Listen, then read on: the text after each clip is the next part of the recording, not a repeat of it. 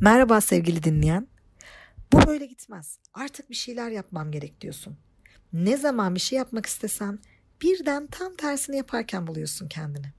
Sen de böyle gelmiş böyle gider ya. Bu saatten sonra değişemem. Ne değişeceğim? Azıcık aşığım ağrısız başım diyen değişim muhafazakarlarından mısın? Bugünkü konumuz değişimden korkanlar. Hadi konuşalım. Her yeni danışanıma terapiye başlama konusunda o değerlendirme yaptığımız ilk seansta gerçekten yardım istiyor musun? şeklinde yardım isteyip istemediğini sorarım. İstisnasız bu hepsine çok saçma geliyor. Yardım istemesi neden gelsin değil mi? Gözüme bu dünyanın en saçma sorusu şeklinde bakıyorlar. Sana ilginç gelebilir ama terapiye gelmeye kararlı görünüp buna delicesine vakit hatta bütçe ayıran insan bir süre sonra terapi içinde çözülmesi gereken konular sözüne çıktıkça vitesi ufaktan geriye atmaya başlar. Direnç gösterir, öfkelenir, terapiste yani bana ama özünde terapiye saldırgan tavırlar geliştirir. Terapiye başlamışsındır, yardım istiyorsundur. Tamam ama başlamak yetmez işte. O yüzden terapi odasında öfkeye çok şahit olurum. Beni anlamıyorsun. Aynı şeyleri tekrar ettiğini söyleyip benim değişmem gerektiğine inanıyorsun. Sen benim ne yaşadığımı biliyor musun? Bildiğin halde tembelmişim, mızmızmışım gibi beni suçlama hakkını sana kim veriyor? Bu tarz öfkeli çıkışlara alışığım yani. Seansa öfkeli gelebilirsin. Sakin bir seansta çözümleyemediğin bir meseleden dolayı öfkeni bana yönlendirebilirsin. Yani her danışan gibi sen de terapinin bir yerinde kendini baltalama ya da terapiye direnme eylemine girebilirsin. Aracın da öfkedir. Bu benim e, savunmaya geçeceğim ya da saldıracağım bir durum olamaz.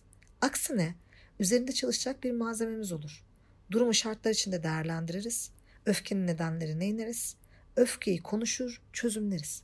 Ufalandıkça önemsizleşir öfke. Gelsin yenisi. Aslında bunun çok anlaşılabilir bir nedeni var. Yıllardır aynı savunmalar ve nedenlerle yaşayan sen bunları değiştirmen gerektiğini öğrendiğinde paniğe kapılırsın. Düşünsene. Bildiğin yolları unutup yeni yollara adımlamaya istekli olmalısın. Hayat yolculuğunda ilerlemek için kullandığın o araçlar artık sana fayda etmiyor. Hatta zarar veriyorsa yeni araçlar bulmak zorundasın. Ne olacak? Doğal olarak paniğe kapılırsın ve direnmeye başlarsın. Kullandığın aracın elinden alınıp hiç bilmediğin bir araçla seyahat etmek zorunda kaldığını ya da her gün seyahat ettiğin aracın birden güzergah değiştirdiğini düşünsene. Üstelik terapiye sana acı veren şeyleri çözümlemek, acı veren insanları, durumları bilinç dışı bir şekilde kendi istediğin doğrultuda değiştirmek için gelmiştin. Evet bilinç dışı diyorum çünkü genelde ben değişmek istiyorum diye gelir ama dışarıdaki insanları değiştirmeye çalışırsın.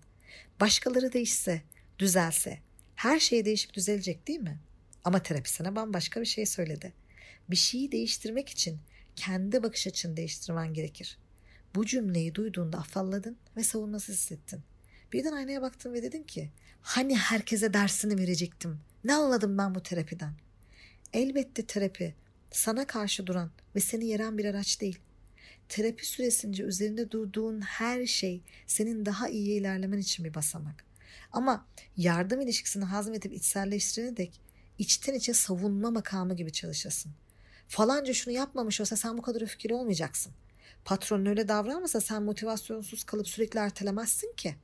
Sevgilin, eşin daha ilgili olsa sen daha güler yüzlü olacaksın. Ne demek senin değişmen gerek? Ne demek sen değiştiğinde değişir? Ne diyor bu terapist Allah aşkına? Sanki karşında bir hakim hatta yargıç vardır. Kendi savunmalarına yapışırsın. Sürekli olarak bunları güçlendirecek kanıtlar peşine düşer, tanıklar ararsın. Bunca yıldır yanılıyor olamazsın değil mi? Beynimizin yapısı ve evrimimiz de buna müsait aslında. Yaşantın boyunca olumlu ve olumsuz pek çok şey yaşarsın. Olumlu olanlar sana huzurlu ve rahat hissettirirken olumsuz olanlar seni oldukça tedirgin ve rahatsız eder. Seni huzursuz eden anaları gözünün önünde tutarsın ki tehlikede olduğunda harekete geçirmek için tetikte olasın. Bu durum olumlu yaşantıları görmezden gelip olumsuzlarla avantajlı durumda kalmaya çalışmanı olabilir. Böylece bilinçaltın olumlu olanları elerken olumsuz yaşantıları taze tutup ilkel bir savunma mekanizması geliştirir. Yani kendinden uzakta tuttuğun tüm güzel taraflar kendine yakın tutarak tehlikeden savunmaya çalıştığın, tehlikeden saklanmaya çalıştığın tüm kötü taraflarla yaptığın şey travmalarla baş etmeye çalışmak. Öyle ki bir süre sonra ben hiç olumlu bir şey yaşamıyorum ki gibi hissedebilirsin.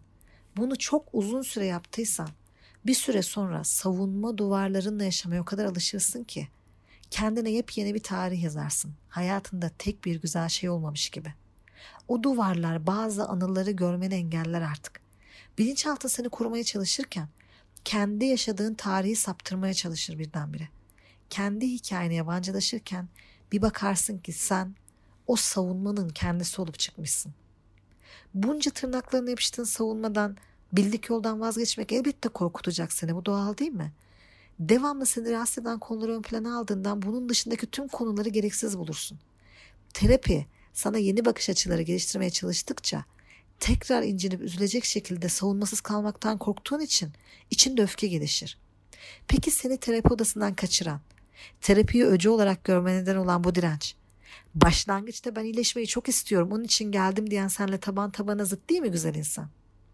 Sonra Ümran yardım istediğine emin misin deyince ne saçma soru oluyor değil mi? Merak etme bu çok ama çok normal. Terapiyi sana getiren sorun ne olursa olsun o sorun senin için çok büyük bir problem teşkil ediyor ki oradasın. Yani o sorun senin için geçilmesi gereken bir dağ. En azından sorunun başında böyle hissedersin. Süreç ilerledikçe aslında aşman gereken bir tepe olduğunu görür. Hatta üzerinden yükselecek bir basamak haline getirebilirsin bile. Yani yolunu kesen o engeli aşabilir. Etrafından dolanabilir. Onu yıkıp kendine kocaman bir alan açabilirsin. Onca seçenek varken terapi içinde dahi hiçbir şey yapmamak kendinden kaçmaktır güzel insan. Korkmak sana geri adım attırmasın. Bu öfke terapi bir işe yaşamıyor, yaramıyor duygusu yaratmasın sende. Ortaya çıkan öfke ve korku senin çözümlemek üzere olduğun şeylerin tam da kapısının önünde olduğunu gösterir. Kapıya kadar geldin yani anlasana. Yola çıktın, dağları, tepeleri, daracık, çetrefilli zor yolları, uçurumları, virajları açtın. Tam varış noktasına gelmişken vazgeçmek demek bu. Belki sırtına çökmüş ağır bir çantada ısrarcısın. Sırtın tutmuyor, omuzların çöktü. Belki elinde tuttuğun, bir gün istediğin kapıyı açar diye kıymıkları eline batan tahta bir anahtar. Ama elin kanarken umut bekliyorsun. İşe yaramadığı halde sıkı sıkı tutup derman olacağını sandığın çanta ya da anahtar yüzünden dert sahibi oluyorsun. En iyi bildiğin yoldan vazgeçmek, kurallarını bildiğin bir oyun yerine yenisini seçmek çok korkutucu biliyorum. Sen yine de beni dinle. Elinde neyi sıkı sıkı tuttuğuna, neyi de bırakmamakta direndiğine bir bak. Kar zarar hesabı yap güzel insan. Sonuçta neresinden dönsen kardır zararın. Ve zarar etmek için hayat gerçekten yeterince uzun değil. O zaman bir sonraki podcast'e kadar sevgiyle kalın, güvende kalın, bizi takipte kalın, hoşçakalın.